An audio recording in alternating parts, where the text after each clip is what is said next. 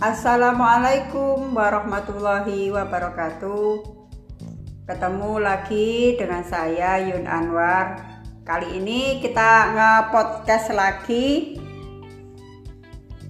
di Kuliner Academy ya. Jadi bahasannya kalau uh, ini bukan pagi ya udah siang. Siang ini agak berat. Kenapa agak berat? Karena pagi tadi saya sempat baca salah satu status teman-teman kita ya para pebisnis kuliner. Saya belum nyapa nih. Halo apa kabar para pebisnis kuliner para pejuang makanan sejati ya? Para pejuang makanan yang baik itu saya sebut para pejuang sejati. Karena tugas kita semua adalah menyajikan makanan yang baik buat manusia di dunia ini. Ya pastilah di dunia ini bukan di akhirat bukan di alam goib gitu. Ya makanya kalau kita ngomong karena melayani manusia melayani manusia yang beneran bukan manusia yang goib butuh yang namanya ilmu ya. Saya selalu ngobar-ngobarin tentang food safety. Ini juga bagian dari bahasan uh, bahasan kita tentang teknologi di olahan pangan Balik lagi tadi pagi saya baca statusnya Bu Ade di Tapanuli Selatan yang merasa bisnis kulinernya itu sudah mulai uh, redup ya gara-gara si COVID-19 ini ya yang dulunya bisnis cateringnya itu bisa handle sampai ratusan juta tiba-tiba dalam dalam waktu singkat sudah tidak bisa lagi apa beroperasional dengan baik untungnya Bu Ade ini termasuk the survival woman ya survival woman yang begitu gedenya nggak bisa dipegang dia berubah menjadi kecil yakni bisnis rumahan. Nah itu ya. Ini perubahan tren seperti ini banyak terjadi loh teman-teman dan itu realistis banget. Sangat penting buat kita untuk memahami terjadinya pola-pola perubahan akibat COVID sehingga cara-cara lama kita boleh jadi sudah tidak relevan lagi. Makanya hari ini saya bahasnya agak sedikit uh, melip-melip ya, agak sedikit ke atas karena saya ngomongnya tentang kategori uh, bisnis dan model bisnis kita. Nah, di uh, podcast kita namanya uh, Akademi Kuliner ya. Kenapa? Kuliner itu apa sih sebetulnya? Kalau kemarin saya sempat ayal-ayalan sama Mas Faisal karena saya ini orang teknis sebetulnya disebut dengan kuliner itu adalah food service ya food service. Cuma kalau di Indonesia itu food service itu nggak umum. Teman-teman lebih suka menyebutnya adalah kuliner. Uh, definisinya food service adalah company, institusi atau perorangan semacam Bu Ade tadi. Tapi mungkin saya yakin Bu Ade sudah institusi ya yang bergerak atau bertanggung jawab terhadap jasa.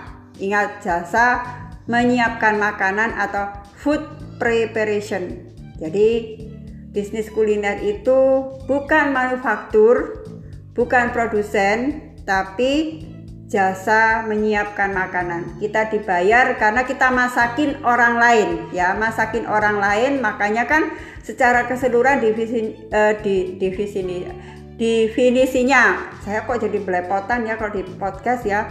Definisinya adalah company institusi atau perorangan yang bertanggung jawab terhadap jasa penyiapan makanan di luar rumah. Ya jadi di luar rumah konsumen artinya di situ. Uh, bentuknya ada resto. Resto pun dibagi-bagi lagi. Yang ukuran kecil namanya warung. Kemudian kalau lebih menekankan kepada ambien dan pelayanan uh, pada saat dine-in namanya cafe. Ada juga yang namanya take away, bisa ya, take away dibawa pulang. Pokoknya kalau zaman dulu yang disebut resto itu dine-in. Dine-in itu kita nyediain tempat, orang duduk-duduk, kita sediain makanan, kita masakin makanan itu namanya dine-in. Cuma sekarang berubah dengan adanya uh, digitalisasi, resto pun tanpa resto bisa. Jadi ada yang disebut dengan virtual resto atau ghost resto itu adalah resto tanpa resto. Jadi bentuknya nggak kelihatan, tapi pergerakannya itu ada.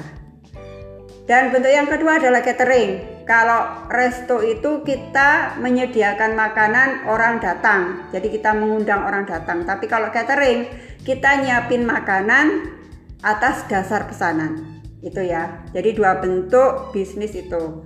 Nah, dari dua bentuk bisnis ini bisa jadi kalau yang catering tadi juga sekarang mengalami perubahan nggak hanya offline tapi juga online ya apalagi semua sekarang bisnis kuliner itu cara promosinya paling banyak dilakukan dengan online ingat masih covid-19 uh, berdasarkan dua tipe tadi otomatis model bisnisnya Bu Ade itu harus mengalami penyesuaian atau adjustment ya penyesuaian Kira-kira model mana yang paling cocok dengan kondisi kekinian sekarang?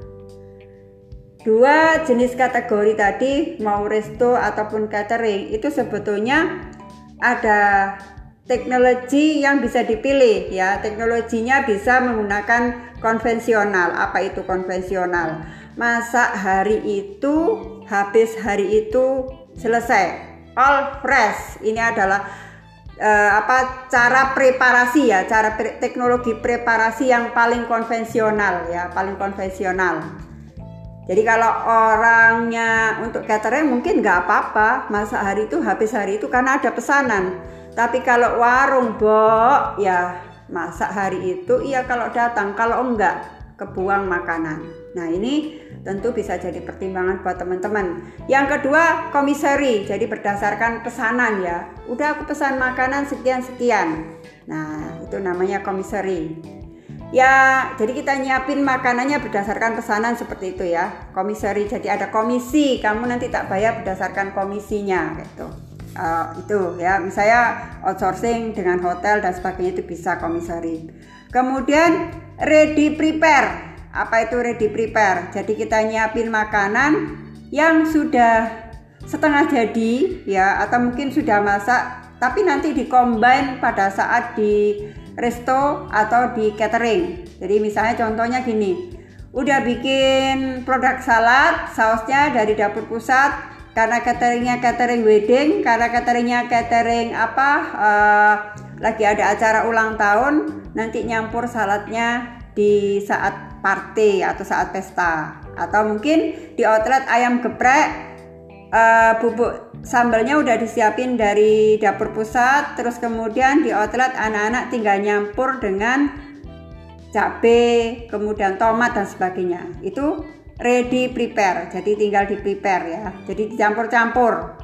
Kemudian yang terakhir adalah assembly jadi assembly ini tinggal reheat doang gabung-gabung bungkus udah jadi tinggal ringit doang gabung-gabung siapin di piring jadi deh nah dari keempat metodologi ini tentunya akan mempengaruhi pola bisnis yang dijalankan oleh teman-teman. Saya belum detail tanya Bu Ade penyebabnya apa sehingga Bu Ade harus terpaksa ya memulai lagi dari nol apakah model bisnisnya yang tidak sesuai atau mungkin cara operasionalnya. Jadi Teman-teman, dengan adanya COVID-19 ini, teman-teman harus melakukan refreshing ya, memilih teknologi mana yang paling pas sehingga sesuai dengan perubahan perilaku customer yang ada sekarang.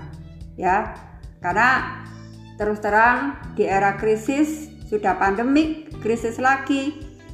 Salah satu cara kita untuk tetap survive itu adalah untuk tetap survive ya survival ya. Survival itu adalah kita mesti efisien dan bergerak cepat.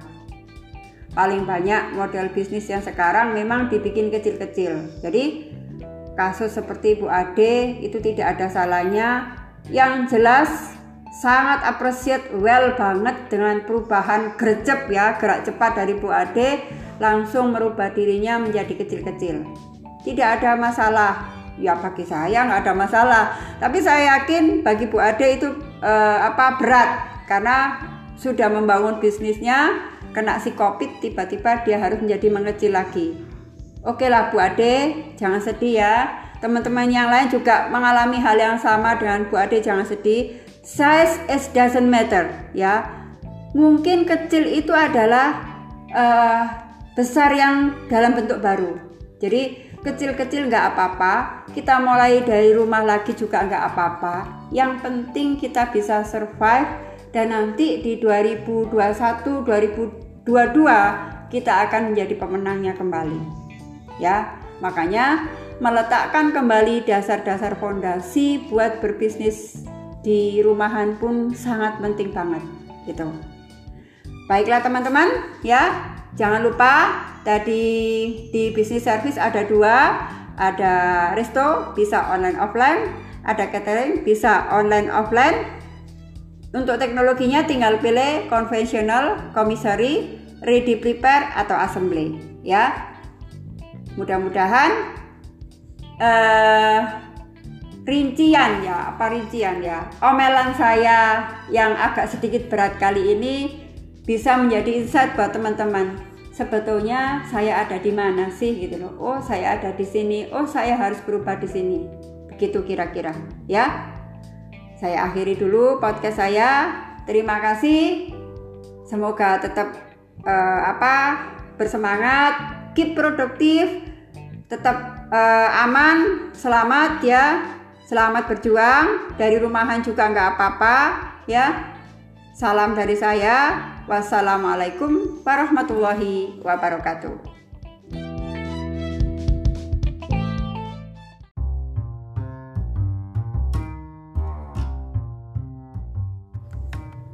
Assalamualaikum warahmatullahi wabarakatuh. Kita nge-podcast lagi. Yang pastinya ini adalah seri food safety ya. Karena saya itu diwajibkan sama Mas Faisal untuk bergiliran. Ngasih saktunya adalah salah teknologi yang praktis buat teman-teman pebisnis kuliner dan olahan makanan. Yang satunya adalah tentang food safety. Jadi dua hal ini penting banget kalau kita ngomong food safety ini yang akan mengontrol mengontrol gerakan dari teknologi atau hasil output masakannya.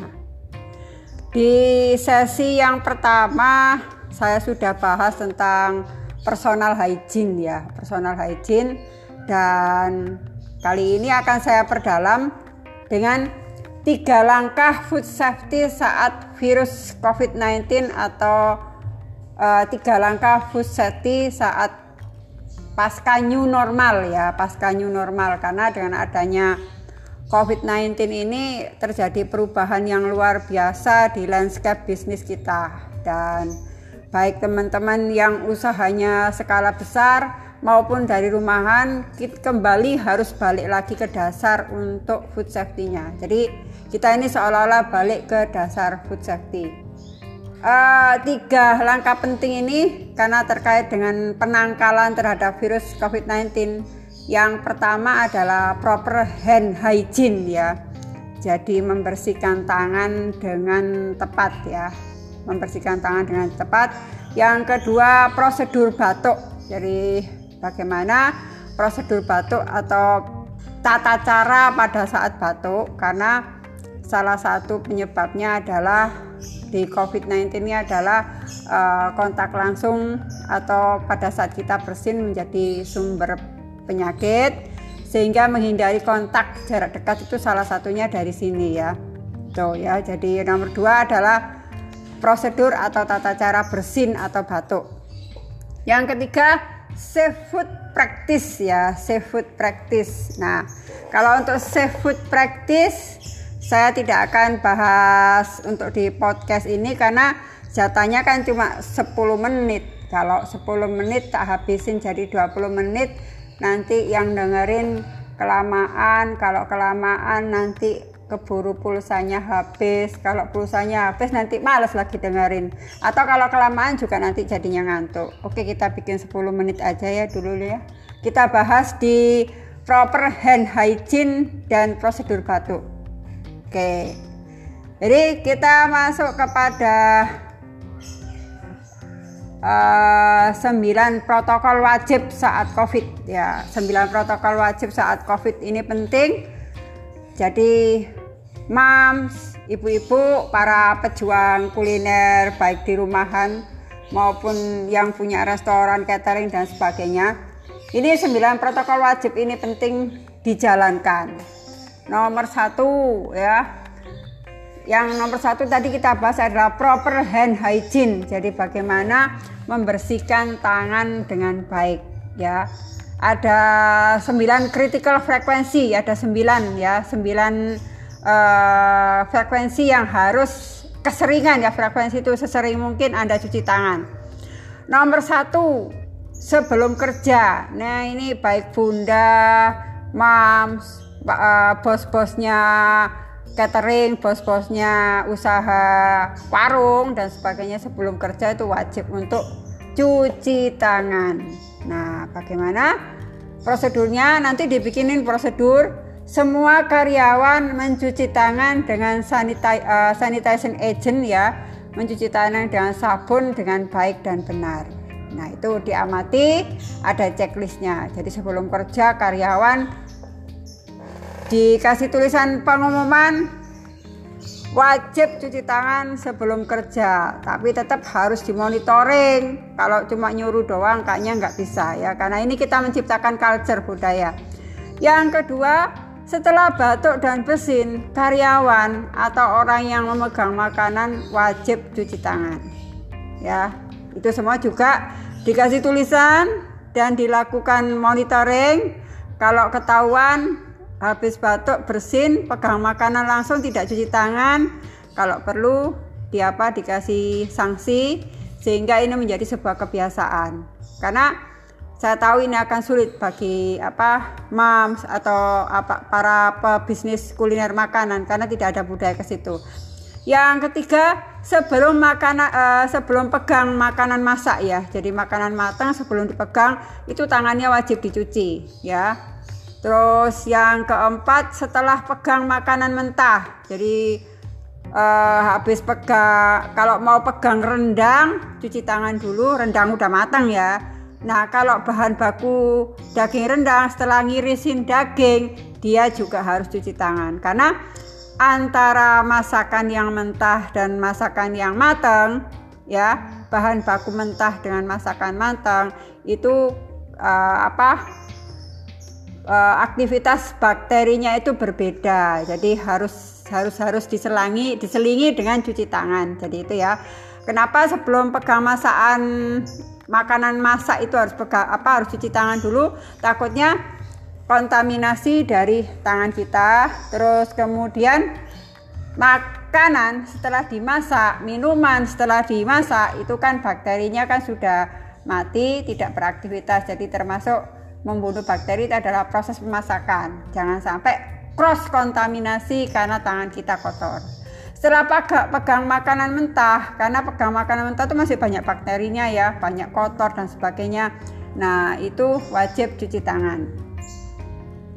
Kemudian satu dua batuk bersin ya. Setelah kerja batuk, pegang masak, pegang mentah. Yang kelima setelah handling sampah. Jadi setelah handling sampah wajib untuk cuci tangan.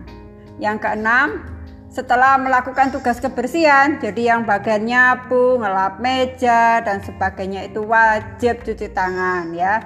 Ini seolah-olah tangannya lama-lama jadi bonyok, dikit-dikit dicuci, dikit-dikit cuci nggak apa-apa. Memang kalau menurut saya salah satu uh, apa action terbesar untuk menghindari COVID-19 itu ya cuci tangan itu nomor satu. Cuci tangan sama sama apa uh, social distancing ya. Social distancing itu ya. Hanya dua itu yang paling ampuh kalau menurut saya ya. Uh, kemudian yang yang apa yang yang ke tujuh ya ke tujuh setelah menggunakan toilet. Nah ini wajib nanti WC-nya ditulisi cuci tangan setelah setelah keluar dari setelah setelah keluar dari kamar mandi. Ya kenapa harus cuci tangan? Karena apa yang kita kerjakan di kamar mandi itu di luar kendali owner bisnis di luar kendali bapak ibu di, di, di luar kendali moms and uh, apa bunda preneur masakan di rumah di luar itu. Jadi karyawannya kalau pamit bu saya mau ke kamar mandi dulu. Nah di kamar mandi itu dikasih tulisan cuci tangan setelah keluar dari toilet. Karena takutnya dia habis uh, apa uh, melaksanakan kewajibannya sebagai manusia untuk membuang kotoran ya di tempatnya ya katakanlah di apa di toilet. Nah otomatis setelah itu dia cuci tangan takutnya kalau tidak cuci tangan akan ada sisa. Nah kalau masih ada sisa-sisa biasanya uh, manusia itu kan sumbernya uh, penyakit. Salah satunya adalah bakteri E. coli ya. Jadi itu kenapa dia cuci tangan dan menggunakan sabun. Semua cuci tangannya menggunakan sabun. Oke ya. Kalau nanti bapak ibu apa karyawannya susah cuci tangan boleh dipasang tuh CCTV enggak enggak guyon ya. Jangan pasang CCTV di toilet. Itu berbahaya banget dan tidak sopan. Jadi uh, karena kita tidak tahu apa yang dia lakukan yang dia lakukan di dalam kamar mandi begitu keluar dia harus segera cuci tangan. Setelah makan minum atau merokok ya. Setelah makan minum karyawan ya wajib cuci tangan ya. Itu penting banget ya. Kenapa? Karena uh, makanan, minuman itu bisa jadi menjadi sumber kontaminasi. Misalnya kita makan soto atau mungkin makan sambal, habis makan sambal mungkin dua atau uh, kita sambil ngobrol ya masuk ke mulut dan sebagainya itu mungkin ada sisa ludah dan sebagainya. Kalau kita ngomong tentang food safety ya bisa jadi itu ada di ludah kita banyak mengandung penyakit. Kalau kita ngomong adalah virus, mungkin bisa di ludah kita mengandung virus sehingga menjadi sumber kontaminan untuk makanan untuk apa uh, karyawan sekitar kita atau mungkin bisa jadi menjadi sumber kontaminan bakteri di makanan yang akan kita handle. Yang terakhir setelah pegang uang ya, setelah pegang uang kita harus cuci tangan. Itu ya. Karena uang bisa jadi kan dia ke mana-mana ya. Dipegangin tangan orang orang habis pegang tangan pegang hidung habis bersin kan kita juga tidak pernah tahu. Jadi makanya paling banyak dianjurkan di bisnis kuliner pasca new normal itu adalah cashless ya. Nggak pakai uang cash. Jadi kalau ada uang cash eh, pastikan cuci tangan. Baiklah bunda bapak ibu para pejuang kuliner sembilan protokol wajib untuk uh, apa uh, personal hygiene pada saat kita menghadapi pasca new normal sudah saya sampaikan satu persatu. Yang pasti titik tadi sembilan. Yang jelas uh, monitoringnya adalah diberikan bagaimana caranya monitoringnya dikasih pengumuman disosialisasikan dicatat dilakukan berkali-kali dan diingatkan ya ini memang kelihatannya sepele tapi amat sangat penting sekali. Oke ya. Jadi ini adalah basic yang harus Bapak Ibu wajib ketahui dan dilaksanakan dalam rangka kalau kita ingin berbisnis kuliner di era pasca new normal. Terima kasih para pebisnis kuliner, moms dan para pelaku usaha pejuang sejati ya para pejuang hati makanan. Dari saya sekian dulu. Kita akan ketemu di sesi berikutnya tentang seafood practice ya. Jadi seafood practice kalau tadi kita udah ngomong protokol wajib cuci tangannya. Terima kasih. Saya Yun Anwar. Wassalamualaikum warahmatullahi wabarakatuh.